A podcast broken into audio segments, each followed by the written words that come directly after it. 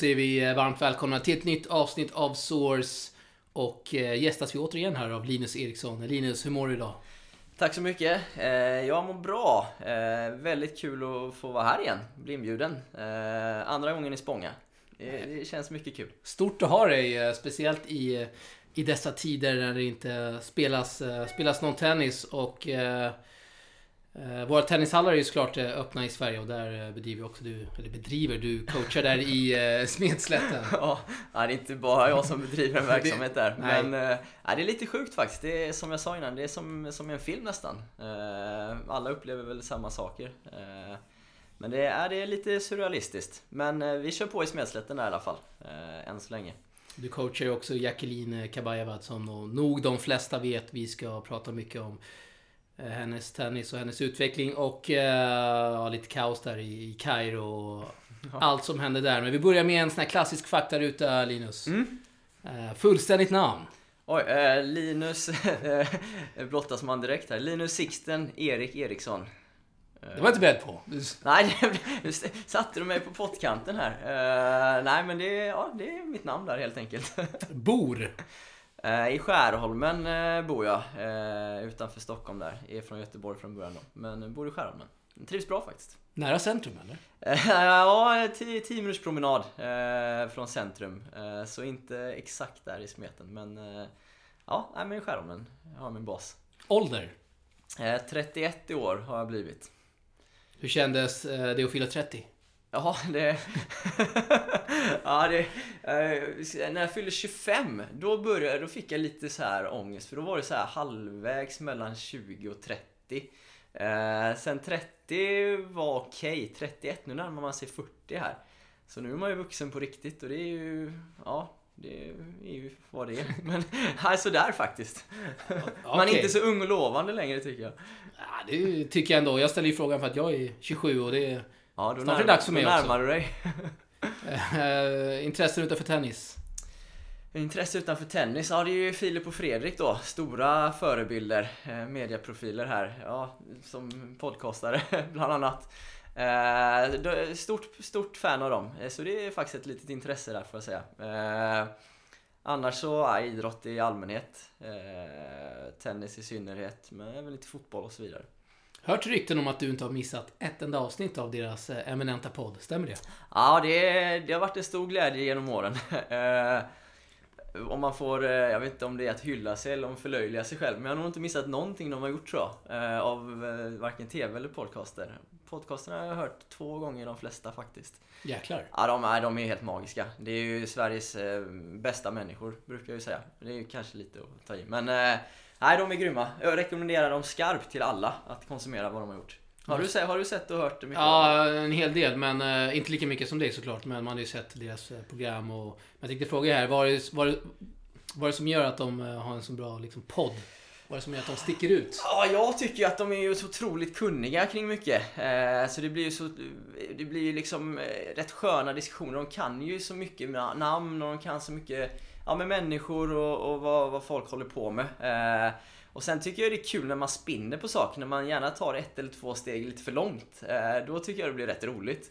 Eh, och så, ja, men det är sköna tugget eh, de sinsemellan, som även i deras program och så vidare. Så Ja, och i dessa tider om folk behöver sitta i karantän och så vidare, då är det bara att eh, gå in på Dplay och börja, börja nöta deras program eller podcaster. Eh, Ja, jag är ett stort fan där. Jag har varit stor glädje genom åren när jag varit iväg och rest och så vidare. Tycker jag. Hur kom det sig att det blev eh, just tennis för din del? När startade allt? Eh, jag började ju i Mölndals tennisklubb och spela själv när jag var en fem år kanske, eh, skulle jag gissa. Det var väl som alla, eller de flesta barn, att man, man testar olika idrott. Spelade fotboll, spelade hockey, innebandy och så vidare. Men jag tror jag fastnade för det här att man, det var en individuell idrott. Att man var själv eh, som passade mig rätt bra.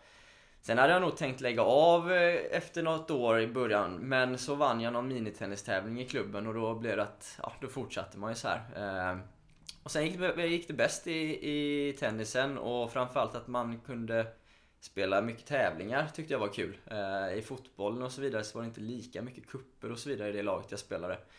Så det blev att jag fortsatte med, med tennisen där. Eh, och det är jag otroligt glad för idag. Det har ju, jag vet inte vad jag hade gjort annars. Utan gymnasieutbildning och, och allting. Så då är jag, jag är glad att man har tennisen. Du är Faktiskt. tränare på heltid idag. När startade hela den eh, tränarresan? Ja, det var efter gymnasiet. Jag gick ju på tennisgymnasiet och när jag slutade där så, ja, som för de flesta, antingen... Ja, jag, vill, jag var ju lite trött på plugget så jag ville inte åka till, till USA då. Eh, och antingen hade man ju fått lägga ner eller så, så fortsatte man som tränare. Och då, I och med att jag inte visste vad jag skulle göra annars så blev det att jag började som tränare. Och det var väl inte superkul i början, ska jag väl ärligt säga. Det var väl inte de roligaste grupperna och så vidare man kanske fick. Men Eh, allt eftersom så, så fann jag liksom glädje i det. Eh, men, men första halvåret var inte, inte mega roligt. Eh, men jag, ja, ju mer man lärde sig desto roligare blev det tyckte jag. I början var det mest att man ville få en timme att gå. Men sen så Ja, sen började man liksom hitta på bra grejer och man började se att spelarna kunde utvecklas på olika sätt och så vidare. Så det blev roligare och roligare tyckte jag. Kul! Mm. Flygbolag du helst flyger med? Det är en bra fråga. Oj, flygbolag. Eh, eh, det får nog bli eh, Emirates tror jag. Har väl bara flugit en gång med dem eller två kanske. Men det, det bolaget det är väl inte, inte superdåligt. Eh, så det svarar jag. Har du något eh, så här lifehack när det gäller att flyga? Eh, någon lifehack? Eh, Med någon dröm eller? Nej, men eh, något Klipp typ- där, klipp där. Vad fan, vad är lifehack? Lifehack, det är typ Sorry. Nej, fan, jag hängde inte med material. riktigt. Nej, men typ något, eh, vad ska man säga, något eh, hack eller vad fan man ska kalla det. Där, ja, men om du har något tips kanske man ska boka just den platsen för att det där är det Jaha, kanske okej, ledigt. okej. Eller Jag man ska aldrig boka eh, längst in när det är långflyg eller fan vet jag. Något eh, okej. tips kanske. så Ja, jag förstår. Okej. Ska du ta om den eller hur funkar det? Nej, vi, vi kör. Vi Kör kör. Okej. Ehm, oh, den är också oväntad. Ehm, då, f- jag, egentligen inte. Jag, det finns de som flyger otroligt mycket mer än mig. Men jag skulle nog säga att har du tajta connections så är det bra att sitta nära en eh, dörr så du snabbt kommer ut från flyget. Skulle jag säga. Låter nästan eh, lite läskigt, eller? ja, ja, det okej, inte precis vid dörren kanske, men inte för långt bak skulle jag säga då. Nej, fan vad dåligt. Nej, du får inte ta med det svaret. Helvete. Det här kommer vi ju ta med såklart. Nästa fråga är lite på samma ämne. Ale eller window när du flyger? Och det här kanske riktar sig mest åt långflyg då. Ja, eh, jag skulle nog ändå säga Isle tror jag. Att Okej. sitta vid eh, gången. Eh, jag gillar det mest. Samma här. Ja, det är så. Ja, ja 100%. Ja, jag har ju aldrig flugit till Australien som du, men... Eh, Jag har ändå kört, eh, eller kört, ändå eh, flugit till Egypten och ja, jo, det är sant i och för sig. Ja. Tunisien och vad är det för mer? Och Egypten igen. Sharm, Kairo. Ja, det är sant. En del långflygningar har blivit. Eh, tränare, mentor som betytt mest för dig? Eh, ja, jag skulle nog säga att eh, ja, man har ju några man bollar lite med. Eh, jag hade ju själv en duktig tränare de sista åren tyckte jag. Bland annat Peter Reimer som var väldigt kunnig. Eh, när jag själv började som tränare så har Magnus Enneberg varit en stor, en stor hjälp som jag bollat väldigt mycket idéer. Eh, skulle ändå även säga Samuel Ekberg har jag messat emellanåt med. Fått en del tips med tekniska bitar och så vidare. Eh, så det, det finns väldigt många duktiga tränare som som eh, har varit väldigt schyssta med att eh, komma med tips och råd när man undrat saker. Eh, så utan, utan sån hjälp hade mm, man inte, ja, hade jag nog inte kunnat det jag kan idag. Inte för att det är jättemycket kanske, men det har varit en stor hjälp att kunna bolla idéer i alla fall. Eh, via sms och så vidare. Tuffaste utmaningen i eh, ditt tränaryrke? Eh, jag skulle nog säga att, eh, ja det, det finns ju många... finns många. Många utmaningar. Jag själv tycker ju, jag, jag tycker inte att jag är superbra på tekniska bitar. Så det, när det kommer till tekniska detaljer så det är ju tuffast för mig.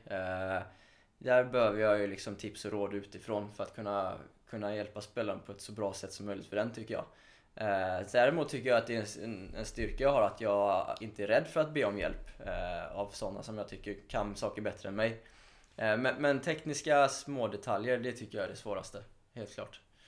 Eh, hur mycket ändrar man då kanske rent tekniskt? Eller gör man inte alls? Jag menar du har ändå en spelare som är ja, men hyfsat etablerad ändå, eller vad man kan säga. Ja, alltså det här är ju, det är många, alla tränare skulle nog säga olika saker. Att, att Jackie, eller Jacqueline då skulle behöva ändra en del tekniska saker. Eh, jag tycker ju, jag har ju ofta kommit fram till när jag bollat saker med henne och med andra att man kan ha en större utveckling genom att fokusera på andra bitar än att ändra ja, större tekniska saker då. Men, men det är klart att små saker här och där, det filar man ju på dagligen nästan. Eh, utan att det behöver bli liksom en större förändring. Men, men eh, och vissa saker kan man jobba med utan att man egentligen behöver berätta att man jobbar med det. Det kan man göra övningar genom att anpassa situationer. Hon får liksom hitta en, ja, en kort cross eller en, man sätter upp hinder och så vidare. Så så det är inte, man behöver inte gå tillbaka och bara kasta för att man ska ändra en jättestor en sving på något sätt eller så. Men, men små saker jobbar man ju nästan med dagligen skulle jag säga. Medan större saker har vi ju inte ändrat jättemycket sedan jag tog över. Men det skiljer sig om man har en junior till exempel. Där är det väl mer förändringar kanske man jobbar med. Kan jag gissa. Svensk tennis största utmaning enligt dig? Eh, ja, det finns nog säkert många utmaningar för svensk tennis. Eh, men eh, det är klart att en, en utmaning är att få till en större jag, jag tycker en större eh, professionalitet eller större satsning ner i åldrarna. Och där handlar det om att de ska träna, man ska träna mera i yngre åldrar. Eh, och jag tycker också kanske att vi har ett problem i, i tennisklubbar och föreningar och att det är för många på banorna så kvaliteten blir lidande. Eh, jag tror, utan att jag vet exakt, så tror jag utomlands kanske att man har en större mängd i yngre åldrar för att skolgången ser annorlunda ut. Och jag tror också att i många fall att träningarna är mer kvalitativa. För att det är ja, färre spelare på banan och så vidare. Ehm, och jag kan ju också tro, där tillhör jag ju absolut den kategorin också som jag kan dra med fallet, men jag tror ju att man, tränarutbildningarna och kvaliteten på tränarna behöver nog bli lite högre också. Eh, Rent generellt. Även om det finns många jätteduktiga tränare såklart också. Vad skulle du känna var optimalt att ha liksom max antal spelare på, på en bana?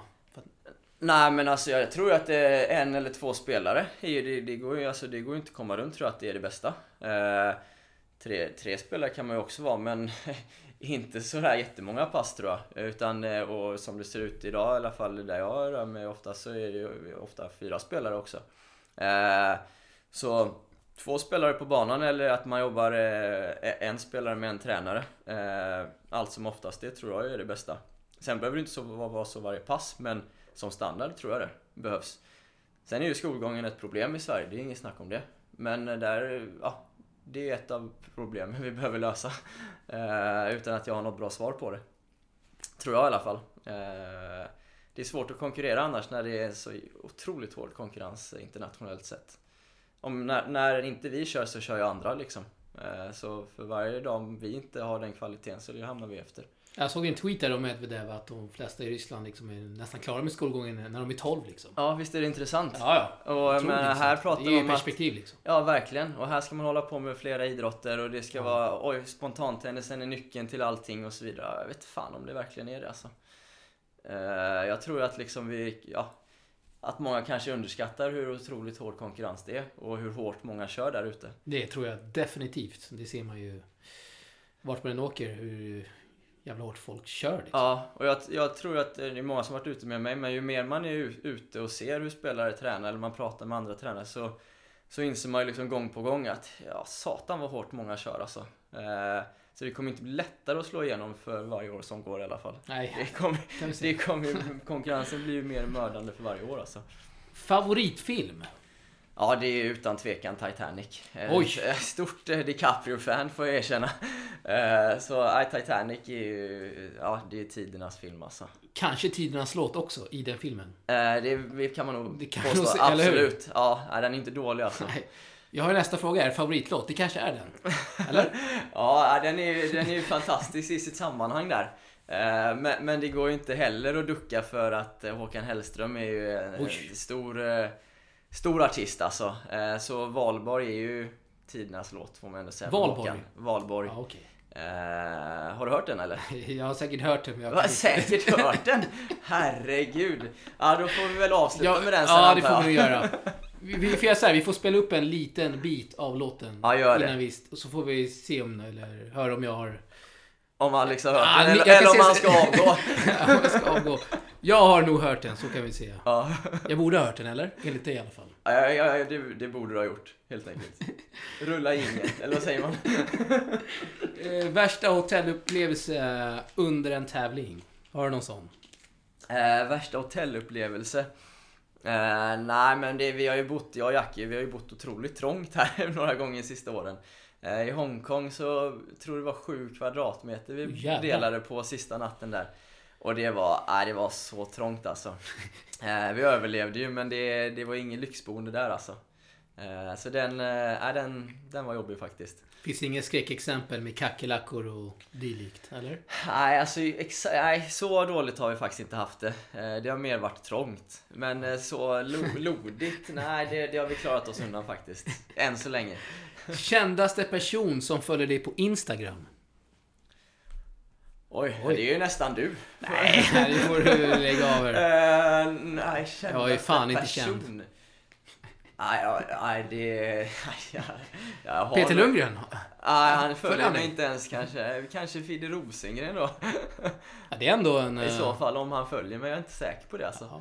Nej, jag, har nej, jag är inte så... Jag går inte så mycket i de kända kretsarna tyvärr alltså.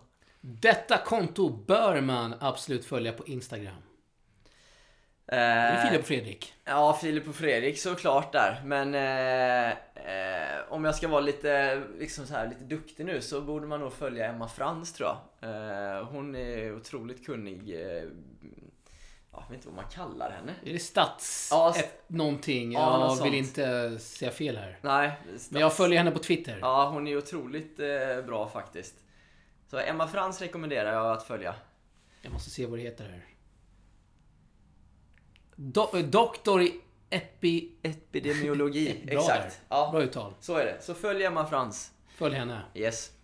Eh, Nästa fråga här i vår eh, faktaruta. Du sätter på en valfri film på Netflix. Vad äter du, vad dricker du? Eh, smågodis. Stort fan av smågodis. Eh, röda Ferrari-bilar där. Eh, rekommenderar skarpt faktiskt. eh, och en... En... Ja, ingen- en tro, Trocadero. Inte fel. Jävlar, du kör ju till med några riktiga klassiker här. Jajamän, jajamän. Ferrari-bilar alltså. Det var- länge sedan. Eh, Bästa spelare du sett live? Eh, Federer i Stockholm Open. Du Lätt. var där alltså? Ja, jag var där. Jag var glad Magiskt. för. Ja, magiskt faktiskt. Jag hade faktiskt pressackreditering då. Nej! Eh, jo. ja, så jag så vågade inte fråga någonting men satt eh, och ja, jag var... För var vilka? faktiskt. Eh, det var för Tennismagasinet tror jag då. Ja, okej. Eh, faktiskt det året. Om jag inte minns fel. Jo men det var det nog. Det måste ju varit hur mycket press som helst. Nej, det var, nej, det var, Inte? Nej, det var faktiskt inte hur mycket press som helst. Det är Eh, det var ju några fler än vad det brukar vara antar jag. Men eh, det var inte fullsmockat alltså. Det är ju fan skandal. Ja, ja, jag hade lätt kunnat fråga något. Alltså, det var inte så att man försvann i mängden direkt. Du hade gummi med andra ord. Ja, ja. Det-. Jag hade aldrig vågat fråga något på engelska. Jag hade stakat mig så jag bara sjunger om det. Det har jag också haft faktiskt. Det, det är något speciellt när man... Ja, jag känner, jag känner igen mig där. Federer, presskonferens, sitter där. Ja, Man, är fan inte kaxig alltså. Nej, nej. Det är ungefär som när man träffar Filip och Fredrik på inspelningar ibland. Det var samma sak som Federer. Oh, magiskt. Bästa spelare din adept spelat mot? Oj. Eh, ja, hon har ju väl spelat mot eh, bättre spelare före min tid tror jag. Eh, ja, nej, här kommer du få klippa. Vem fan har hon mött? Det är nästan så att tid? man eh, går in på resultiven. Ja. och- Alltså under min tid har ju inte mött någon så jävla bra. Hon mötte ju ändå en turkiska som är 250 i världen. I Hongkong. Ja, hur fan ska jag uttala det där då? Kagla... Buju- det, det är inte så någon idé att... Turkiskan som är... Hon är rätt... Hon är duktig liksom. Jäkligt. Ja, vad ska jag säga henne då? Prova. Buyukakshai. Buka, Buka Chai. Buka-chai. Ja, vi är nära. Ja, eh, ja men hon, ja, hon mötte ju Shala Bukachai där eh, i Hongkong. Hon är väl en av de bättre kanske. Eh, men annars så, nej hon har inte mött några riktiga toppspelare under min tid. Det var nog före jag började köra med henne som hon hade några, några rätt bra spelare hon mött, eh, vet jag. Eh, och vissa har nog även slagit, men sen har ju de haft en större utveckling än vad Jackie haft då. Eh, det är samma även en del spelare hon mötte förra året spelare, det vet jag ju kvalade till Australian Open i år och, eller till Grand Slam turneringarna. Så de har ju ja, hon, har ju, hon har ju mött spelare på, som har tagit sig framåt helt enkelt. Men eh, så får vi se om Jackie kan göra den resan så småningom. Det hoppas vi verkligen. Eh, på en skala mellan 1 till 10, hur nervös är du när då Jackie spelar match? Eh, nej, det är värre när man är på, på uh, livescore på Ja, distans faktiskt. När man följer boll för boll. Då kan man eh, bli lite nervig, får jag erkänna. Eh, när man är på plats tycker jag inte det är så farligt. Eh, det är- men det är klart, i vissa, vissa matcher och vissa lägen, det är klart att man, man lever sig in i det. Eh, men det är värre på, på livescore faktiskt, det måste jag säga. Det, Det är ett det, helvete. det kan vara hemskt faktiskt, ja. Känner igen Verkligen. mig. Favorittävling på touren? Jag gillar ju, jag gillar ju själv, nu har ju inte jag varit på de högre nivåerna, men jag gillar Asien överlag. Jag tycker det är kul att, komma till en annan kultur och jag tycker också överlag att tävlingarna eh, där borta har varit mer, eh, bättre arrangerade. Där de har gått in för det mer med planscher, med liksom hur de har byggt upp själva tävlingsanläggningen, eh, ja, eh, transporter och så vidare än vad jag har upplevt i Europa i alla fall. Eh, så jag tycker det är, kul att komma dit bort och få känna att de, ja, de går in för sina tävlingar på ett lite större sätt än vad man, eh, jag har upplevt här omkring. Sen har jag inte varit borta i Australien, jag har inte varit borta så mycket i, i, i Afrika överlag. eh, eh Sydamerika och USA har jag inte heller varit. Så, så jag har inte varit på så många, alla kontinenter. Men av det jag har upplevt så skulle jag säga att överlag borta i Asien, det är kul. Hur, var, hur svårt var det att käka bra mat i Hongkong? När man Ah. gick ut på stan. Ja, Hong- äh, Hongkong är okej. Det är ändå ganska internationellt Ja, faktiskt okej. där borta. Eh, Kina var ju värre, eller mainland China. Eh, för där är det ju Ja, det är ofta kinesiska tecken på menyn och man får gissa lite vad man, vad man beställer och ingen kan engelska. Så Kina överlag är ju svårt alltså. Eh, men Hongkong är okej. Hongkong rekommenderar. Det, det, där kan du hitta det mesta du gillar faktiskt. Eh, det, är- det är så internationellt och relativt. Det är en gammal brittisk koloni så det är ganska västerländskt ändå sådär. är min upplevelse i alla fall. Kul. Eh, Vi är klara med faktarutan eh, Linus. Ja, den var inte lätt alltså. Där har du jobbat på bra. Du gillar den eller? Ja, mycket bra. Jag minns, Eh, jag minns ju att du kom ju också med ett förslag här. Det var kanske något halvår sedan. Ja. Fan, jag borde göra en faktaruta. Ja, du satte mig på pottkanten här faktiskt. Ja, men jag det är bra. Du löste den bra. Kul. Du vet vad jag tycker Jag lämnar skutan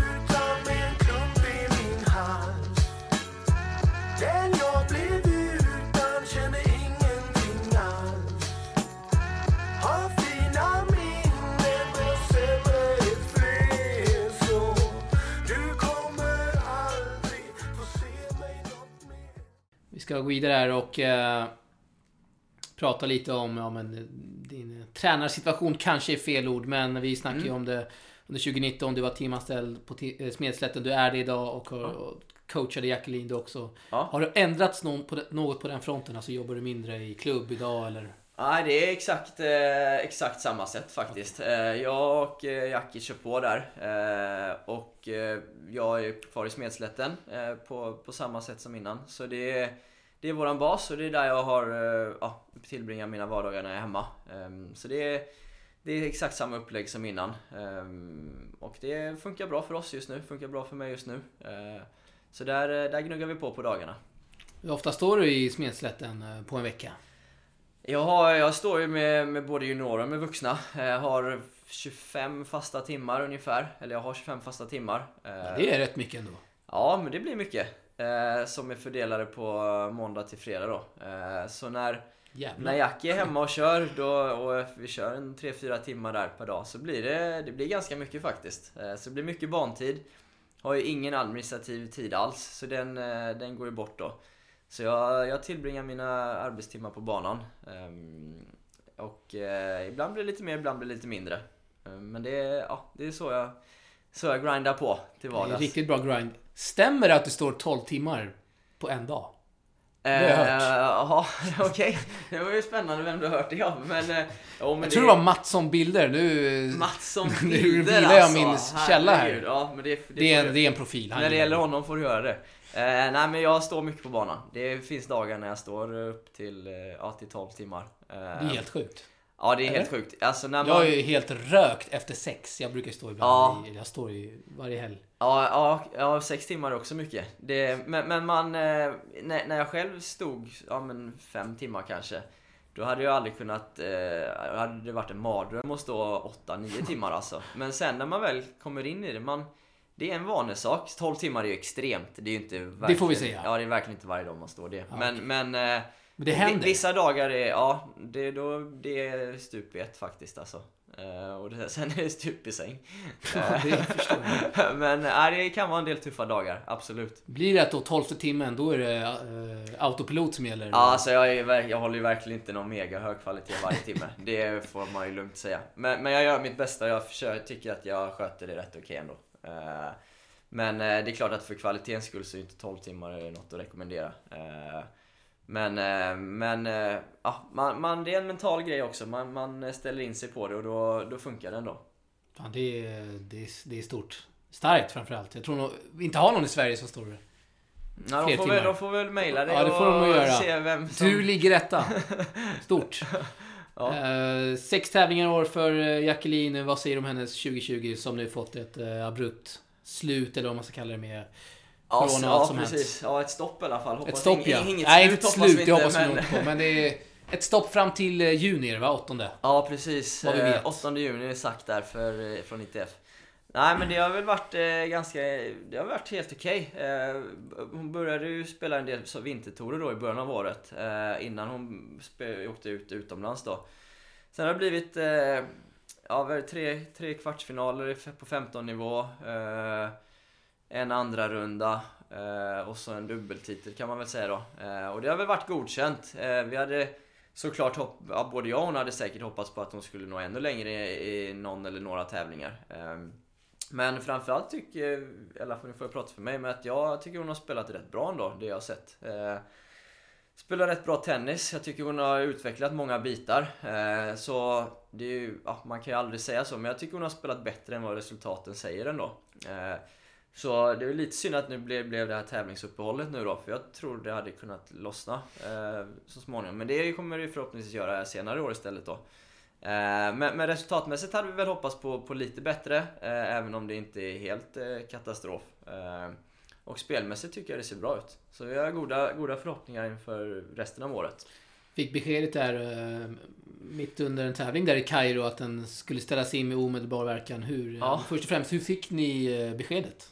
Var det någon som- Eh, nej, beskedet eh, läste vi på... Ja, det var ju rykten fram och tillbaka. Vi är på Twitter. Jag följer ju Twitterflödet mycket. Eh, så det var ju det är där man liksom först läste att eh, det, ja, det diskuterades liksom och så vidare. Eh, och först om jag minns rätt så var det väl liksom att eh, ATP och VTA skulle ställa in var det va? Och, det. sen, och sen så förstod man att det var ITF också. Och därefter så i sista skedet, det, och det trodde vi ju inte först med att de skulle ställa in även den veckan som var mitt eh, pågående då. Eh, så det blev ju liksom i etapper att man förstod vad beslutet innehöll tills i sista stund och då fick man ju, hon ju mejlet via sin IPIN eller IPIN från ITF. Men det var ju Twitter först som jag läste det då i alla fall. Eh, innan det kom officiellt då till hennes eh, inloggningssida. Men det var lite speciellt var det, verkligen. Eh, och framförallt det att de avbröt tävlingen abrupt då. Eh, det, nu var hon utslagen ur singel men hon var ju kvar i dubbel då. Så det var ju lite synd, vi tyckte hon hade ganska bra lottning också. Men eh, ja, det är väl en annan femma. Hur var reaktionen från övriga spelare? Var det folk som blev helt galna eller vad?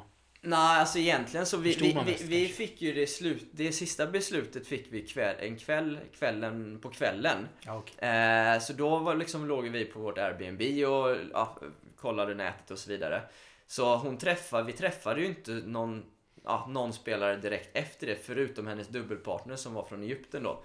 Och hon var ju, tyckte det var helt fel att de skulle ställa in och de sa att det är ingen fara i Egypten. Eh, utan det här är ju något som är i andra länder framförallt. Och så hon tyckte man kunde ha spelat klart. Och det tyckte ju vi i första hand också att vi kunde ha gjort. Eh, sen efterhand så har jag väl förstått att ja, länder började stänga sina gränser och, och så vidare. Så det handlar inte om att vi var i fara för viruset där kanske, utan det var mer hur alla skulle komma hem då. Så jag, ja, jag tyckte det var kast just då, men efterhand har vi förstått att det kanske var vettigt att man avbröt det då. Eh, Även om det var, det var liksom surt för alla. Vissa hade ju bara kommit dit för den veckan. Vi hade ju varit där redan en tävling, så det var inte så farligt så. Men vissa hade ju kommit dit två, tre dagar tidigare bara. Det är klart att det var jobbigt för dem att ja, det var bortkastade pengar liksom så här. Förstår jag. Hon, eh, Jacqueline gjorde ju tre raka veckor i Monastir eh, i, Mm. år. Man kan ju i princip spela ITF-tävlingar året runt i Tunisien, Egypten Ja. och Turkiet och allt vad det är. Ja, Vilka för och nackdelar skulle du säga finns det med att säga att man spelar tre schemalagda tävlingar på ett och samma ställe? Ja, det, det är olika för alla spelare såklart. Vissa kan ju grinda ja, hur många veckor som helst mer eller mindre. Och det, ja, det undrar man hur de har råd med. Det är inte så billigt på de här resorterna heller. Men, eh, och, och vissa har inget emot att vara på samma ställe. Eh, för Jackie så har ju vi, ja, hon känner ju att tre veckor är väl max på samma ställe i alla fall. Eh, för att det blir, ja, det är svårt till slut att hitta den där liksom tändningen varje dag att gå upp och träna och samma mat i restaurangerna och så vidare. Nu, nu var hon där två veckor själv, sen kom jag till den tredje veckan så då blev det kanske lite nytt för henne ändå att vi kunde ha våra träningspass och hon fick ett nytt sällskap och så vidare. Eh, så jag, jag personligen skulle nog inte planera mer än tre veckor på samma plats tror jag. Eh, innan man byter ort i alla fall. Sen kan ju folk säga att man inte ska tävla mer än tre veckor i rad eller fyra veckor och så vidare. Så det är upp till varje spelare vad de klarar av. Kanske också hur långt de går varje vecka. Förlorar de första eller andra så klart att det är skillnad mot om du går till final varje vecka. För då är det ju matcher varje dag hela tiden. Eh, jag tror personligen också det spelar stor roll om man har med sig coach eller inte. Har man inte med sig coach så, och förlorar tidigt så är det svårt att fyra veckor i rad motivera sig och hitta någon träningspartner vid sju på morgonen och gå till gymmet själv och, och så vidare. Har man med sig tränare så kan det vara lite lättare att få hjälp med motivationen tror jag. Men, men jag tror att tre veckor på ett ställe, det skulle jag säga i alla fall, innan du borde byta plats. Men det är upp till var och en vad som funkar för dem. Såklart. Det finns en ekonomisk vinning i att vara på samma ställe också, slippa flyga vecka till vecka och få flygkostnader eller även kanske liksom just restiden. Så där är det ju en fördel att vara på samma plats. Eh, Så vår plan var ju tre veckor i Tunisien och två veckor i Egypten och sen hem då från början. Och det hade nog kunnat funka okej tror jag. Hur, hur är standarden i, eh, i Tunisien? Vi har ju snackat med Jit Barek som hyllar Ja. standarden i Nigeria.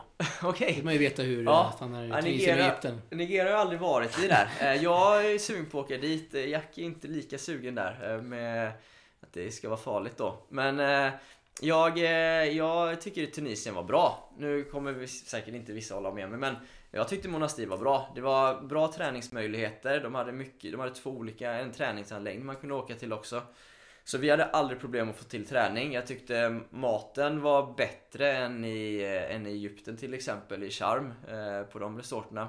Så jag trivdes väldigt bra i Monastir. Eh, det finns ju, det är ju liksom soft att det är, är så nära, att, man bara, att det är på samma ställe. Även om det kan liksom, man bli lite instängd också. Men jag tyckte det var jätteskönt en vecka att komma dit. Bra mat, bra träningsmöjligheter, bättre väder än i Sverige. Så jag tyckte Monastir var, var bra faktiskt. Ehm, Så nej, det var, det var, det var, ja, det var bättre än de andra jag varit på resorten i alla fall. Rekommenderar du till eh, tennisfans kanske? Ja, faktiskt. Som lyssnar. Ja, men ja, ja. Kör en eh, tripp till eh, Monastir Ja. Future. ja. ja, men jag tyckte faktiskt det var bra där. Det måste jag säga. Ehm, Ja. Vad skulle du säga kanske saknas för att Jacqueline ska kunna ta steget in på, säg, topp 300? Ser du något sådant? Jag, jag tror ju topp 300 är ju fullt möjligt. Eh, många spelare som hon har eh, mött eller eh, varit på samma tävlingar som och så vidare har ju liksom tagit sig in dit eh, och det kan ju gå rätt fort. Det är inte så många resultat man behöver få med sig eh, för att kunna ta sig in på topp 300. Så det tror jag är fullt möjligt. Hon behöver ju bli lite, lite jämnare skulle jag säga. Eh, hon behöver kanske Ja, i en, i en match så behöver hon ju hon behöver bli lite mer solid, missa lite mindre. Eh, behöver nog förbättra sitt serve och returspel lite mera. Eh, sen är det ju framförallt över en 12 månadersperiod som är en ranking, att man behöver vara jämnare, få fler bra resultat helt enkelt. Eh, det är lite för mycket dippar fortfarande. Men, men rent spelmässigt som jag, ta, jag sa, jag tycker hon har spelat väldigt bra i år. Och jag ser eh, att hon går framåt och jag tror, både, ja, jag tror vi jobbar på bra saker som kommer göra att hon tar några steg i år. Eh, Så jag är väldigt positiv. Och det ska bli väldigt kul att se, se resten av året. Och det ska också bli spännande nu när alla har en träningsperiod i, i eh, ett tag. Ja, så alla som, när de kan träna. Vissa kan ju kanske inte träna för de sitter ju instängda nu i andra länder. Men att alla har ju möjlighet att verkligen förbättra sig. Så det blir kul att se Vissa kommer säkert komma tillbaka jättestarka fysiskt, har verkligen utvecklat sitt spel och så vidare. Medan vissa kanske inte riktigt har tagit tillvara på den här perioden. Så det ska bli ganska intressant tror jag att se vad, vad nivån kommer vara sen. Eh, på många spelare. Vad blir fokus för eh, er del eh, kommande veckor och kanske fra- fram då till 8 juni? Är det att spela mycket match eller är det bygga upp sig fysiskt eller en kombo eller vad? Vad Ja. går tankarna där? Ja, jag, jag tror det kommer nog inte bli supermycket fokus på rent matchspel tror jag. Utan dels det fysiska kommer vi att jobba med, att de ska bli ännu, ännu starkare eh, under den här perioden. Eh, och sen kommer vi, ja, ja, vi kommer köra ganska mycket träningar själva. Eh, jobba mycket med, som jag sa, med serve och returspelet. Mycket med första slagen. Eh, kommer jobba mycket med ja, med höjden på bollen för att minska antal missar i nät och så vidare. Eh, så, så vi kommer gnugga ganska mycket moment eh, på egen hand, eh, blandat med en del sparring såklart. Eh, men, men mycket, mycket serve och returspel kommer vara stort fokus eh, och försöka förbättra det ytterligare ett snäpp. Eh, och få till lite, lite jämnhet i spelet. Eh, hon ska ju vara aggressiv, hon ska vara offensiv och styra. Men eh, hon, vi behöver ändå dra ner på, på antalet missar eh, lite grann, för annars kommer det bli svårt. Eh, tror vi. Men hon, hon jobbar på bra. Det har också varit kul att se tycker jag. Och det ska hon ha en eloge för att hon har blivit bättre på att träna. Att hon, hon är mer, har mer kvalitet, kvalitet på passen, mer fokuserat. Eh, och det tror jag kommer ge bra betalt så småningom. Eh, om, vi, om hon kan behålla det och jag kan motivera henne till att behålla det också. Eh, så nej, det har varit ett bra år på det sättet tycker jag hittills. Vad skulle du säga att du har eh, lärt dig mest eh, under, under din tid som tränare då för Jacqueline? För henne? Eh, och jag har lärt mig väldigt mycket eh, skulle jag säga. Eh, dels så skulle jag säga att att jag har ju fått en större förståelse för vad nivån är på damtennisen på, ja, överlag. Framförallt på de tävlingarna som jag har varit med henne på. Då. Jag har ändå varit med henne på ganska mycket tävlingar nu eh, på 15-25 tusen nivå och så vidare. Så jag har ju liksom fått en större förståelse för hur tennisen ser ut där. Eh, sen tycker jag att jag har blivit bättre eh, pedagogiskt tycker jag. Eh, hur jag eh, kommunicerar med, med henne i det här fallet och hur jag lär ut saker, hur vi jobbar på saker. Det, det tycker jag har lärt mig. Sen tycker jag har blivit lite bättre på den mentala aspekten. Eh, och där ska, har vi haft hjälp av en, en mental coach också. Eh, som jag har lärt mig mycket av, tycker jag. I hur vi ska tänka i olika situationer, både på träning och på match. Hur jag, att jag har fått en större förståelse för hur hon kanske resonerar.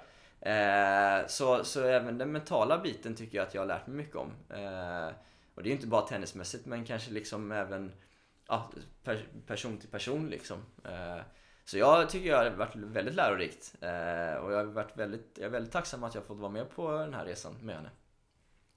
Härligt eh, Linus, vi ska köra våra lyssnarfrågor som våra eminenta lyssnare har skickat in. Vi har fått in ganska många här. Det är ganska vad spännande. Många. Ganska, det är, det, det, det stämmer inte. Jag har fått in många frågor Linus. Ja, det är kul. Kul. Eh, Peter Henneman har skickat in tre frågor. Oj, ja. Eh, första frågan här. eh, vilka är fördelarna och nackdelarna att vara ett par? Tillsammans då, tränare och spelare. Ja, just det. Ja, ehm, vi, när vi började jobba ihop så var det ju inte riktigt meningen att vi skulle bli tillsammans. Utan det var ju någonting som skedde under liksom första året där som vi arbetade ihop. Och det... Ja, det är som han skriver, det finns ju för och nackdelar. Eh, först så tyckte jag att det var lite, jag ska inte säga pinsamt, men kändes ju oproffsigt att man blev ihop med sin spelare. Eh, men ju mer vi var utomlands och reste på tävlingar och så vidare så insåg jag ganska snabbt att det var inte så mycket att skämmas för, utan det är ganska vanligt ändå. Det är en, jag ska inte säga att det liksom är att alla är ihop, men det är, liksom, det är ganska många som har olika relationer. Eh, och då så kände jag liksom att det var ingen som sa något negativt till oss i alla fall. Eh, det var ingen som liksom tyckte att det var så märkligt. Eh, och då började jag känna att ja, men det, ja, det, det är ingen som liksom lägger någon vikt vid det.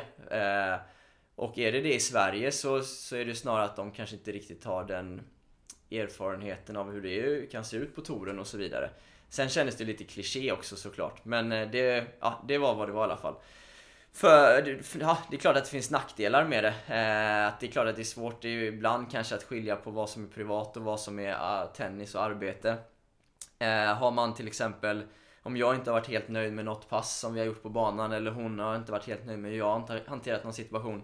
Så är det lätt att man tar med sig det eh, hem på kvällen. Vilket ju är fel såklart. Eh, sen finns det ju många, många fördelar också. Att, kan bara ta något exempel att eh, när, eh, som Jackie har inte liksom ekonomiska resurser så du bara sjunger om det. Eh, utan då är det en väldigt stor fördel att vi alltid kan, kan dela rum. Eh, vi hittar liksom billiga boenden tillsammans. Eh, jag har aldrig några problem med att träna på obekväma tider om det behövs för hennes skull och så vidare. Så som, ja, hade någon annan tränare som har familj och barn så kanske inte de hade velat bo på 7 kvadrat och dela dubbelsäng liksom så här. Eh, så det, det finns ju fördelar på det sättet också. Ehm, sen så tror jag att vissa grejer som många kanske tänker att ja, men det gör han för att han är ihop med henne. Eh, hade jag ju gjort 100% för en annan spelare som jag inte är ihop med också bara för att ja, man är så involverad i sin Ja. tränare, spelare, sitt, sitt arbete helt enkelt. Eh, men, men det finns för och nackdelar och oavsett vad så är det så vår situation eh, har blivit. Eh, och vi har ju liksom strugglat stundtals med det men jag tycker vi har hittat en bra balans. Jag kan bara prata för mig i och för sig men jag tycker att det funkar bra i alla fall. Och jag tror båda har ändrat lite beteenden ibland. Jag har fått gå och ta något steg tillbaka emellanåt och inse att jag har gjort fel. Hon har nog gjort samma sak. Men det finns ju liksom, det är inte helt ovanligt att det blir så. Eh, och så blev det för oss. Och eh, eh, det finns för och nackdelar. Men jag ser en hel del fördelar med det, helt klart. Nästa fråga är, med en ranking runt 500 under många år, hur har man råd att åka på så många tävlingar? Ja, det är ju svårt. Det är en ekonomiskt tufft för dem och det är ju inte bara för henne, det är ju för många i den sitsen såklart. Men om en spelare spelar, vad standard är, kanske mellan 25 och ehm, 28 tävlingar per år kanske. Eh, så man får hitta, man får ju planera på ett ekonomiskt smart sätt som vi var inne på förut. Att man kanske ligger några veckor i rad på samma ställe så man inte behöver boka flyg varje vecka och så vidare. Men hon har ju lite hjälp av några sponsorer som betyder otroligt mycket för henne. Hon hade aldrig klarat det utan den biten. Eh, eh, ju- ja, en av dem kanske är mig till exempel. Jag, som in, ja, jag tar liksom inget betalt så för arbetet med henne och hjälper henne lite ibland med, med boenden och så vidare. Eh, men det är en struggle och nu, ja, nu har jag ju sett på Twitter att vissa spelare på lite högre nivå går ut och säger att de blir arbetslösa och hur ska det gå för oss ekonomiskt och så vidare. För Jackis del till exempel så innebär ju det här att hon eh, slipper backa och blöda pengar varje vecka när hon är ute och tävlar. För ja, mer eller mindre varje vecka är en förlust annars. Så nu har hon ju liksom inga direkta utgifter eh, helt plötsligt två månader. Men, men i alla fall, annars är det ju seriespel och det är lite sommar och vintertorer och, och lite prispengar här och där. Men det är tufft eh, och utan sponsorer så hade det inte gått. Eh, förhoppningsvis kan man ju ta någon nivå upp, gå upp en någon nivå så småningom här nu då. Och då blir det lite enklare när man kanske får lite fler boendekostnader betalda och så vidare. Men det är otroligt tufft och det är, mycket handlar om planering och mycket handlar om att välja att spendera pengarna på rätt sätt tror jag. Eh, och inse att man kanske behöver hushålla med vissa utgifter helt enkelt. Vad kan en vecka i, säg monastir kosta i runda slingor? Ja, det är. Det är ju Ja, det är ju en, en sån tävling är lite lättare egentligen att räkna på för det är ju ett all inclusive, en all inclusive tävling där boende och, och mat, eh, allting är ett då. Och jag tror en plats i ett dubbelrum är väl, eh, om jag inte säger fel nu, kan det vara 63 euro? Eller 67 euro, någonting sånt. Eh, och då hänger det på att du delar rum med någon. Eh, har de med sig mig så är det ju dubbla kostnader då, för då är det ju även min kostnad då. Och sen kan man räkna in om man ska ha med flygbiljetterna i den, eh, i den summan också. Eh, men det är klart att det kostar en del och på den här nivån så brukar de säga att du behöver ju vinna tävlingen för att plussa någonting på det. Och gå till final är väl då kanske du går plus minus noll mer eller mindre. Eh, om du inte räknar med en coach till exempel. Eller om man har med sig en förälder eller vad det nu är. Ehm, så då kan man kan ju, som i Kairo så bodde vi ju lite billigare på ett Airbnb och kunde ja, laga några måltider själva eh, och så vidare. Så det är ett sätt för att spara pengar då också. Eh, om, man, eh, ja, om man kan ha den möjligheten. En till fråga här från Henneman. Eh, varför är Håkan Hellström så förbannat bra? Ja, det ska vi få ett smakprov, eller det har vi fått ett smakprov på kanske till och med om ska få. Eh, nej men Håkan är ju fantastisk och jag är otroligt glad att jag har biljetter till hans eh, utsålda konsert i augusti på Ullevi som jag inte hoppas är i fara. Eh, Det är ju tvek kanske, eller? ja, ja, jag hoppas ju inte det nu. Men Det eh, får, får det, han hade ju två konserter, var det i juni eller juli? De är ju lite värre, tror jag, i riskzonen. Så jag, jag var taktiskt smart och köpte till de se- senare datumen där. Nej, Håkan är en legend. Eh, det tycker ju du också Alex. Ja, ja. Eh, så... Jag är ett fan. Eh, så nej, och jag vet ju att Peter dyrkar honom också. Vilket ju kanske de flesta från Göteborg gör i och för sig. Men Håkan är cool. Han har faktiskt en riktigt bra låt med DJn Otto Knows. Just det, din tid kommer. Din tid kommer. Kanske den du ska avsluta Det med kanske då. är den, Det kanske alltså. den du ska avsluta Den har jag faktiskt hört på en konsert, men då var Håkan inte där. Då var Otto Knows där. Okej, jag förstår. Eh, Den minns jag faktiskt. Alltså. Ja, riktigt bra. Eh, Rille understreck mannen här. Mm. Vad tycker du om temaveckorna som klubbar använder sig av? Eh, blir det inte märkligt att alltid utgå från ett tema och inte vad spelarna behöver utveckla? Mm, det är en ganska intressant fråga. Eh, och det, det skulle vara kul att höra andra tränare reflektera lite kring det. Eh, jag själv har ju tyckt att det varit bra med teman eh, för att man alltid har någonting att utgå ifrån eh, i själva träningen. Eh, och kanske framförallt för tennisskolan och vuxentennis och så vidare. Eh, där de kommer en gång i veckan och man vill känna att man går igenom olika delar i träningen. Eh, när det gäller duktigare eller mer satsande tävlingsjuniorer eller elitspelare. Som om jag till exempel, jag har inga teman med Jackie. Där vet vi ju lite vad vi vill jobba med under en period. Eh, men där tycker jag kanske inte det behövs teman på samma sätt utan där är det mer upp till tränarna. Vad, vad behöver spelarna jobba på? Precis som Rille skriver där. Eh, men jag tror att i tennisskola, minitennis och så vidare, där är det bra med teman. Eh, jag kan ju kanske tänka att kommer till exempel en minitennisgrupp in, om vi har tre banor i tennishallen och så tränar bana 1, 2 och 3 på helt olika saker varje vecka. Eh, då känns, skulle jag kanske tänka att det inte ser så proffsigt ut. Om de har spelat exakt lika mycket tennis och började exakt samma datum på höstterminen och så är lika bra och så tränar de på helt olika grejer. Då tänker jag att där ska man nog mer följa en terminsplanering som i skolan kanske.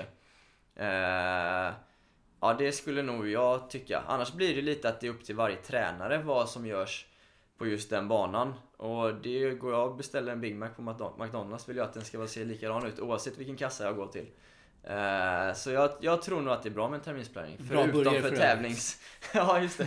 Förutom tävlingsjuniorerna och elitspelarna, tycker jag. Men det här vore intressant att höra vad andra tycker också. Vad anser du är extra viktigt att man som eh, tjej tränar på redan från ung ålder som skulle vara specifikt för tjejer? Ja, eh, jag är ju inte någon expert på damtennis så, men, eh, men min åsikt skulle nog vara att jag tycker man ska lägga ganska stor vikt vid eh, returspelet och första slagen efter retur och efter serv. Serven också såklart, den blir viktigare och viktigare, men men retur och första slagen därefter tycker jag är otroligt viktigt alltså. Nu pratar jag ju dels för Jack, men jag tror även rent generellt. Alltså många spelare är väldigt starka i returerna eh, och tar initiativ på andra servar. Får tillbaka mycket första servar. Eh, sen är det väldigt lätt att man kommer tillbaka med, till damtennis med att de ska lära sig slicea, de ska lära sig växla tempo, spela med topspin. Och det är klart att det är bra att göra. Eh, men jag tror också att du behöver vara väldigt bra på det för att det ska ge någon utdelning. Och du behöver röra dig väldigt bra för att du ska kunna spela den typen av varierande spel. Eh, Det är lätt att man hamnar i att man står och slår och slår och slår. Det är klart att det inte heller liksom nyckeln att bli bra på att stå och slå statiskt. Men ja, man ska inte fastna i att tjejer bara liksom åh vi måste träna slice och åh, vi måste träna på att variera. För det är att förenkla verkligheten lite. Det är inte så... Ja, svaret är inte så lätt tror jag. Nej. Eh, Men jag skulle säga mycket retur och, och första slag. Det, glöm inte bort det. Det är otroligt viktigt alltså. En tredje sista fråga är från Rillemannen. Varför är du inte inbjuden till TP Open? Det stämmer inte. Eller hur? Ja, det, det, ja, jag är på tok för spelsvag här alltså. Eh, och jag, jag kommer inte be om något, eh, något WC här heller. För jag, jag, jag, min backhand kanske håller om jag står i ett hörn, men min forehand är alldeles för vek alltså. Eh, men jag hoppas på ett starkt startfält. Det ska bli kul att följa. Du kommer ju vara där i och med att Jacqueline kommer spela som det ser ut just nu. Jag kommer vara på plats. Eh, jag kommer vara på plats och njuta av bra Oj, tennis oj, oj. hela kvällen, eftermiddagen. Eh, Så det är kul där att du gör de här tävlingarna Alex. Ja, Eh, Får passa på att credda det här att du ja, håller, snällt hjälper till och håller ett stort intresse för tennisen uppe. Och du är en frisk fläkt för eh, elitspelarna vet jag också. Eh, Så, Det ska ja, bli jävligt kul. Eh, det kommer vara on-court coaching tillåten. Får vi se? Oj, oj! Kanske vi får se det, det gå in där och Ja, i livestreamen. Kommer streamas också. Ja, coolt alltså. Stå med... Vad. On-court coaching. Ja. Spännande. Det är, det är som Mart och Rebecca. Det har vi sett mycket av. Oh, okej, okej. Ja, läckert, Det läckert. läckert. Kul att se vilka spelare som kommer att dyka upp också. Eh, och vilka coacher kanske då också. Ja, Helt enkelt. ja, det blir intressant. Unofficial Tsar här. Varför går han med flipflops på tennisbanan när han är tränare? Inom parentes, grus ute hardcourt. Känner du den här killen? Uh, unofficial SAR. Det är hans Insta... Okej. Eh, Kanske, jag vet kanske inte. ska ta fram någon bild här så får du vad se. spännande. Stämmer detta för det första? Uh, ja. Sa, ah, okej, här har vi namnet då. Ja, Veikolainen. Du känner med andra ord. Okej, okej. Eh, nej men eh, nej jag skulle inte säga att jag går med flipflops på tennisbanan. Alltså det är klart när man är utomlands eh, på, så då gillar jag att gå runt med flipflops när vi inte jobbar på banan. Och jag, det kan hända att jag har gått in med flipflops någon gång och bytt skor på banan. Men nej, jag känner mig inte träffad där faktiskt. Det gör jag Nej, faktiskt bra. Mattsson Biller har vi ju tagit upp här i podden. Kan man få Wendelken svensk? Eh, den där, nej, den där kan du faktiskt ta bort. För jag träffade honom idag och han, den, han skickade den fel. Eh, den, den var tänkt till någon annan. Så den, den kan du faktiskt ta bort. För han satt där idag och sa, för jag frågade, har du skickat någon fråga Mattsson? Han bara, "Jag har skickat den. Men fan vänta nu, den skickar jag nog fel. Så den, eh, ja. Jag undrar, ju, undrar man ju såklart vem som han... Ja, vem skickade den till? Ja, precis. Och varför? Jag har faktiskt ingen aning om vem den där snubben är. Det är alltså Harry Wendelken som spelar på GTG. Från Storbritannien. Jaha, okej. Jag vet faktiskt inte vem det är. Rikt- Han kommer spela i eh, TP Open. Är det sant? Ja. Okej. Det- Men då han, eh, okej. Han har ATP-pinnar. Är det sant? Ja. Åh fan. Bortsett från hårt arbete, vad imponeras du av hos en spelare? Ja, eh, hårt arbete imponeras man ju av. Eh, jag imponeras när någon spelare, eh, ja, om jag pratar damtennis nu så tycker jag det är coolt när de, att när de är väldigt starka defensivt, när de rör sig bra på banan. Eh, det är ju, allting bygger på vilken spelstil man har och så vidare men det, det sticker ju ut lite extra när någon är väldigt stark, när de är i ytterlägena eller när de är i pressade situationer löser situationer på ett bra sätt. Om det är att man eh, river upp en boll eller man är smart i hur man, eh, hur man tar tillbaka initiativet och så vidare. Så, så hur man är i defensiva situationer, det tycker jag eh, kan sticka ut lite extra. Eh, så det imponeras jag av på, på damsidan. Eh, på herrsidan, nu har inte jag sett så mycket herrtennis på de nivåerna men så här på TV och så vidare, det är klart att på TV tycker jag det är roligare att se på herrtennis eh, och det är klart att det är, jag gillar ju Federer till exempel när han Uff. hur han eh, kan växla tempo hur han använder sin slice och så vidare. Eh, jag kan också älska ju Hewitt när han spelade, hans, han, han, hur han fightades på banan tycker jag är häftigt. Så, men jag tycker man imponeras av olika saker, det, det beror liksom helt på situationen så. Skulle jag säga. Erik Jonsson här, en uh, följare, det är fel ord. Han är kollega på Tennisportalen. Erik, ja en det är en, det är en, eh, Kunnig. Ja, ja, ja. Som fan. En av de kunnigaste i, på svensk Twitter i alla fall. det är han verkligen. Eh, innan vi tar hans fråga här så... Inte fan, jag tror nog Erik är kanske den, mest, den i tennisvärlden som kollar på, på mest tennis. Ja, det är så. Han kollar extremt mycket tennis. Okej, ser han de här ryska amatörmatcherna nu som, det hoppas jag som inte. jag sett livestreamas? Det hoppas jag inte. Erik, han är, han är grym. Han, han frågar i alla fall så här. eh, Använder du, använder du några hårvårdsprodukter? han gillar nog ditt hår. Ja, ja, okej. Eh, nej. Nej, jag, ska jag svara seriöst. Nej, jag duschar med, med schampo och balsam och dubbeldusch när jag duschar i tennishallen. Du kör dubbeldusch. Eh, Det så det, man. det, det, det är verkligen inget fancy här inte. Eh, Men kul fråga från Erik här måste jag säga. Riktigt bra fråga faktiskt. Eh, Todd Åkesson från Näsby Park frågar så här. Fick du med dig något matnyttigt från eh, Stefan Oslins relation, relationstips i Båstad 2017? Eh, eh, Todd, Todd är ju en fantastiskt skön pjäs ute i Näsby Park som jag tror eh, gör ett jäkla kanonjobb där ute får jag Ja, det säga. han. Eh, Det- Hans det rapporter verkligen. från tävlingarna eh, går inte av från för hackor alltså. Eh, så stor eloge till Todd för det första.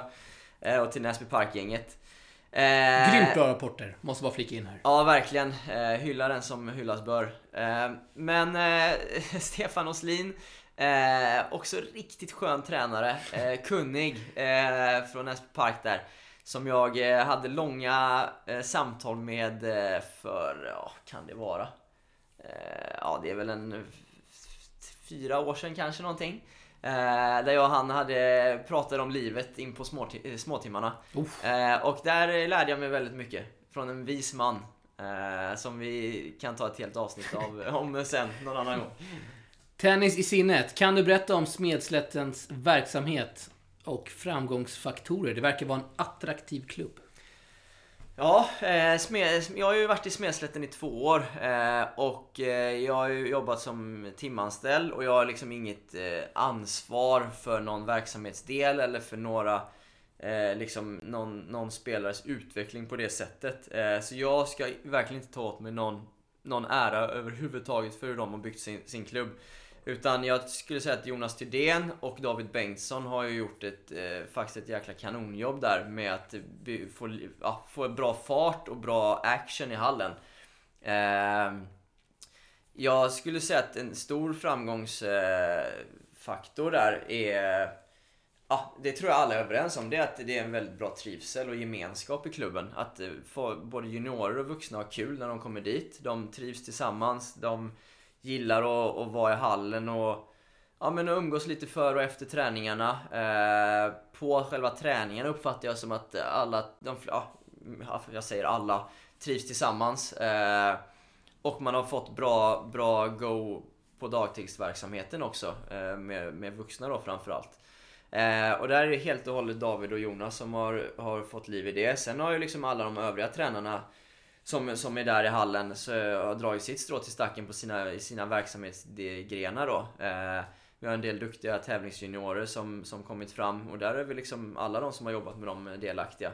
Eh, sen tror jag att själva strukturen och planerandet och vad man tränar på, själva tenniskunskaperna.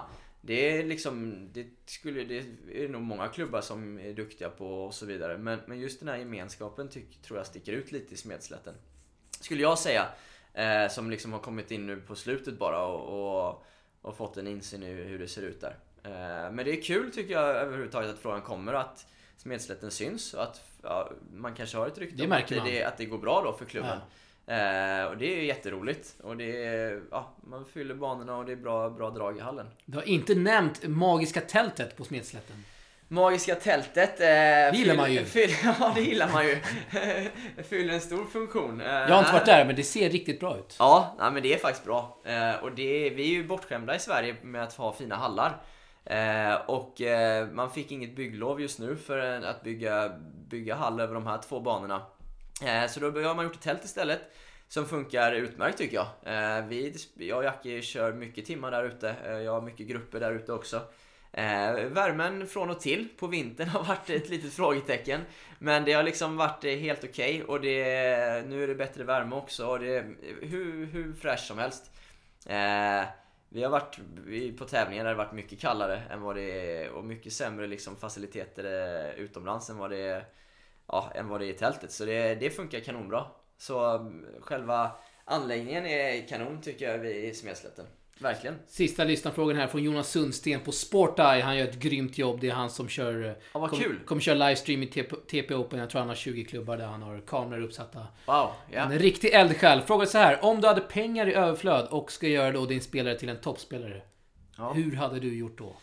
Wow. Ja, det är ju en Vilken väldigt fråga. hypotetisk fråga här. Eh, nej men eh, jag... eh, eh, jo men det, om man har pengar i överflöd så skulle jag... Jag tycka att det var vikt att man bygger ett bra team runt spelaren. Eh, att man... Eh, Kanske har en eh, fysio som reser med många veckor. Man kanske har en fystränare som är med liksom en stor del av tiden. Man har en ja, tennistränare och såklart. Eh, man kan ta in eh, externa eh, ja, tränare också som kommer med input då och då. Eh, ja, mentala coacher och så vidare. Man bygger ett team runt spelaren helt enkelt. Och det är någonting jag har märkt när jag har varit iväg själv med Jack att det nu pratar jag bara för mig själv, men att det, det kan vara ganska tufft ibland att, att vara ensam ledare med, med en spelare. Man, ja, men precis som hon blir så blir man själv besviken ibland. Man, man liksom efter någon torsk så känner man att fan det här är surt liksom så här. Och ska man själv, man är, man är besviken och man är liksom lite knäckt. Och ska man själv vara den som drar igång motivationen att vi ska gå upp och träna imorgon bitti. Och det kan vara liksom, om inte jag gör det så kommer inte någon annan göra det. Eh, och då, då kan jag ibland känna att det skulle vara skönt att ha ett team som är med där man kan liksom, man delar på ansvar, man, man har olika roller. Eh, man kan bolla idéer med och så vidare. Man blir ganska ensam ibland med sina tankar och vad man ska göra och så vidare. Det är därför som jag var inne på det viktiga att man har folk man kan, man kan messa med eller prata med som man i alla fall kan få lite tips och råd från. Men jag skulle bygga ett team i alla fall eh, runt spelaren eh, och lägga pengar på det. Eh, och sen tror jag också att det kan vara kul, eh, kul och skönt och bra att med miljöombyten ibland att man kan komma iväg och, och få träna på andra, lite andra platser. Eh, nu är vi i Smedslätten som vi trivs otroligt bra med men vi, hade man haft oändligt pengar kanske man hade varit utomlands lite fler veckor och, och tränat i lite bättre klimat och, och ja, kanske letat lite mer damsparring och så vidare på det sättet. Eh, Sen tror jag att liksom, det är ingen som skulle bli bra bara för att man har pengar och får förutsättningar på det sättet. Att så här, Nej. Jackie skulle fortfarande behöva jobba med sina returer. Eh, men, men jag tror att det finns många bitar man skulle kunnat förenkla om man haft pengar. Eh, Även tävlingsplanering, att man skulle kunna välja exakt vilka tävlingar och veckor man vill spela. Utan att behöva ta hjälp av den ekonomiska aspekten. Eh, Och sist så tror jag kanske att man eh, eh, vi pratar om att man ska bo billigt och man ska dra ner på kostnader och så vidare. Och det pratar man även med juniorer, att man ska härdas och man ska lära sig den tuffa vägen och så vidare. Men där får man ju inte vara dum heller, att ibland kan det vara bättre att investera lite mer pengar för att ha det lite bättre för prestationens skull också. Så det, det, det är klart att sådana bitar skulle förenkla att alltid kunna bo på ett bra hotell och äta en bra frukost och så vidare. Eh, men just teamet runt spelaren, det skulle jag prioritera högt. Känner jag. Det blir nästan lite football manager-surr här, fast i tennis då. Ja, fan. Det gillar man. CM 0102. CM0102. Det var grejer. Det är många som kör det nu. Ja, jag har sett det. coronatider. När, vä- ja, jag har faktiskt sett det på Twitter där. Eh, fan, man kanske skulle dra igång ett Ja, spel. det tycker jag. Du, vi ska... Nu har vi klockat över en timme här. Ja. Otroligt kul att kunna ha det här. Ja, väldigt kul forum tycker jag podcast är. Eh, Kul att få vara här igen Alex. Eh, Du är alltid jag ser fram emot eh, jag ser fram emot många bra gäster här framöver också. Ja, det kommer vi, vi kommer köra på här. Två, tre avsnitt i veckan. Spännande lineup. Hoppas folk nappar också. Det hoppas jag med. Hoppas jag med utan att se för mycket här men... Jag hoppas nog få med en hel del spelare och tränare och tyckare och allt vad det är i Tennis-Sverige. Ja, Ser jag fram emot. läckert. Blir det någon Håkan här på slutet eller? Det blir Håkan. Vi ska spela upp en del av Valborg, får se om jag har hört den. Jag har fan inte hört. Vi spolar fram lite. Intro, ja.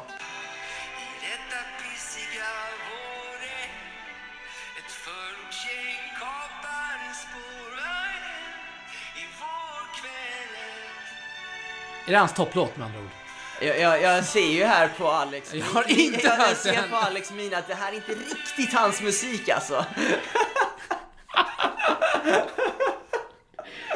Oj, oj. Nu kör Alltså, vi din tid kommer här, 80 notes istället. oh, okej, då klipper vi in den här eh, Linus. eh. otroligt bra låt och återigen kul att du kunde vara med här i, eh, i Source. Kanske har du något tips på någon gäst som vi borde ha? Eller? Eh, jag skulle ju tycka att det var kul eh, att få med... Nu måste jag fundera här innan jag säger då. Eh, det var inte ett riktigt bra svar här. Det är Thomas Alm. Ja, det hade ju varit kul men det hade inte funkat. Eh, men fan. Au! Ja, men, Vi snackar om uh, våran påstådda beef. Ja, det hade Har vi en beef? kul. Jag vet inte om vi har en beef. Det hade varit, Kanske har. varit kul. Vem fan ska jag säga nu då? Det är ett bra drag tror jag. Men okej, men jag ska, jag ska ta... Ta Ali. Ali Gelen? Ja. Oh, Ja, men det kommer jag... Det säger jag. han Okej. har nog mycket att berätta skulle jag tro. Ja, A- A- Ali Gelen borde du ha med. Eh, det ska vara intressant att höra lite mer om de fysiska bitarna och även hur han jobbar där på GTGs anläggning. De är väl, vad jag förstått, fristående fast ändå i samarbete med, Just det. med arena och så vidare. Så det hade varit kul att höra hela den, det upplägget och kanske även lite om hur han jobbade med, med Robin på den tiden, med Rebecca och så vidare. Eh, så han skulle vara kul om vi fick med. Det, den tar jag till mig och eh, kommer komma en förfrågan här inom kort till Ali Gelen. Ser vi fram emot. Kul! Härligt! Stort tack igen Linus och så hörs vi vidare till våra lyssnare. Vi är snart tillbaka igen. Tack så mycket! Tack.